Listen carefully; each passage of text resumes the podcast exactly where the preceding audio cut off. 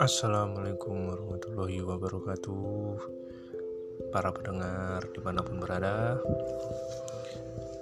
Alhamdulillah bertemu lagi di podcast kita. Ngomongin apa?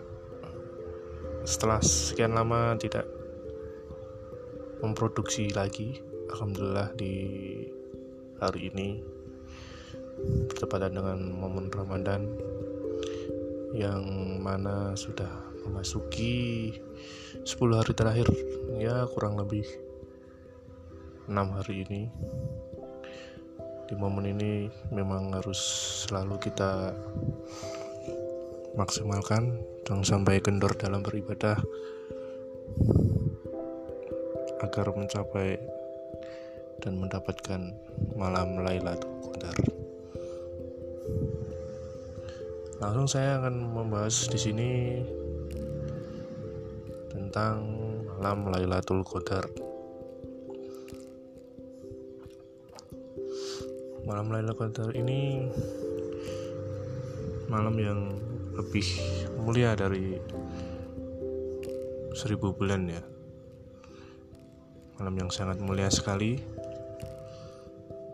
disebut Lailatul Qadar itu karena di malam itu Allah mentakdirkan takdir seluruh makhluk. Sebagaimana Allah Subhanahu wa taala sudah menyebutkan di dalam surat Ad-Duhan ayat 4 yang berbunyi fiha yufraku kullu amrin hakim di malam ditentukannya semua urusan yang bijaksana maka itulah disebut dengan Lailatul Qadar atau malam takdir. Para ulama membagi takdir ini menjadi beberapa macam. Yang pertama takdir yang sifatnya umum. Nah, ini yang Allah teruskan dalam Lauful Mahfuz. Ada lagi takdir seumur hidup. Ini yang Allah Subhanahu wa taala tuliskan di dalam janin kita ya, para pendengar semua. Ketika dia seorang bayi, berada di perut ibunya berumur 120 hari. Kemudian ada lagi yang disebut dengan takdir tahunan. Takdir tahunan ini yang terjadi pada malam Lailatul Qadar itu. Nah, dan ada lagi yang disebut dengan takdir setiap hari. Takdir setiap hari ini yang ditujukan oleh Allah dalam surat Ar-Rahman. Allah ber, Allah berfirman, "Kula yaumin huwa fi setiap harinya Allah berada dalam kesibukan. Artinya apa? Artinya Allah memberikan rezeki ini, memuliakan ini, merendahkan ini. Inilah kenapa disebut dengan Lailatul Qadar. Itu karena di malam itu Allah mentakdirkan takdir seluruh makhluk yang disebut dengan takdir sanawi atau takdir di setiap tahun. Dan takdir tahunan inilah merupakan perincian dari takdir yang Allah tuliskan dalam Auful Mahfuz.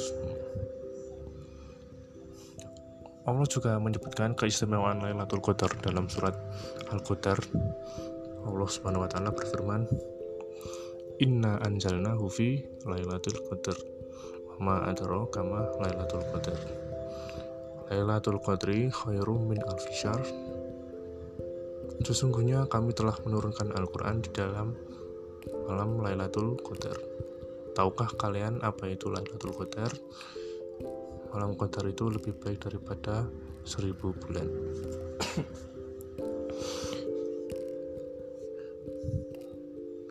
Banyak ahli tafsir mengatakan artinya bahwa beramal soleh di malam itu sama dengan beramal soleh selama seribu bulan. Hmm. Imam Malik juga meriwayatkan ya sahabat sekalian bahwa Nabi Shallallahu Alaihi Wasallam diperlihatkan oleh Allah umat Islam. Lalu diperlihatkan oleh Allah orang-orang sebelum umat Islam. Dan ternyata umur Islam itu sangat pendek sekali dibandingkan dengan umur orang-orang sebelum umat Islam. Sehingga kesempatan untuk beramal solehnya sedikit. Maka Rasulullah SAW merasa sedih maka Allah pun kemudian memberikan hadiah Lailatul Qadar namun sepertinya sayang riwayat ini toif ya kurang kuat gitu ya jadi Lailatul Qadar ini adalah pemberian dari Allah Subhanahu wa taala yang luar biasa. Di mana satu malam senilai ya 83 tahun. Beribadah di malam itu sama dengan beribadah seribu bulan. Ya, ini keistimewaan dan pemberian dari Allah untuk kita umat Islam. Yang Allah tidak akan berikan kepada umat-umat sebelum umat Islam.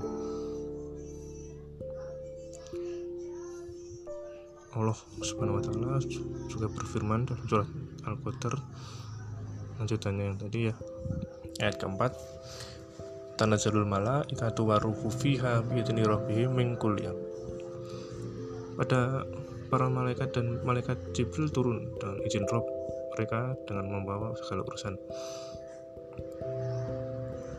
Nah terus kita pasti bertanya-tanya kapan ini?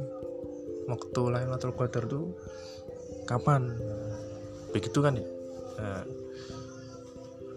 sebenarnya malam Lailatul Qadar ini ya teman-teman sekalian dimulai dari terbenamnya matahari Adapun anggapan bahwa Lailatul Qadar turun pertengahan malam ini merupakan asumsi yang salah. Tidak ada dalil yang mengatakan demikian. Allah memperkenalkan malam takdir sedangkan malam dalam Islam dimulai dari semenjak terbenamnya matahari. Jadi kalau kita tarawih di, di awal malam, maka pasti akan mendapatkan Lailatul Qadar. Nah, jadi perumpamannya begitu. Nah, di waktu yang kurang lebih tinggal ya 6 atau 5 hari ini harus kita maksimalkan lah ya. Semoga kita semua bisa mendapatkan pahala yang berlipat bisa mendapatkan malam Lailatul Qadar dan apa ya makin makin menambah gitu ya makin menambah amal kita menambah semuanya menambah iman menambah ketakwaan kita kepada Allah. Ya agar supaya juga kita itu tetap istiqomah di jalannya. Dan yang paling penting adalah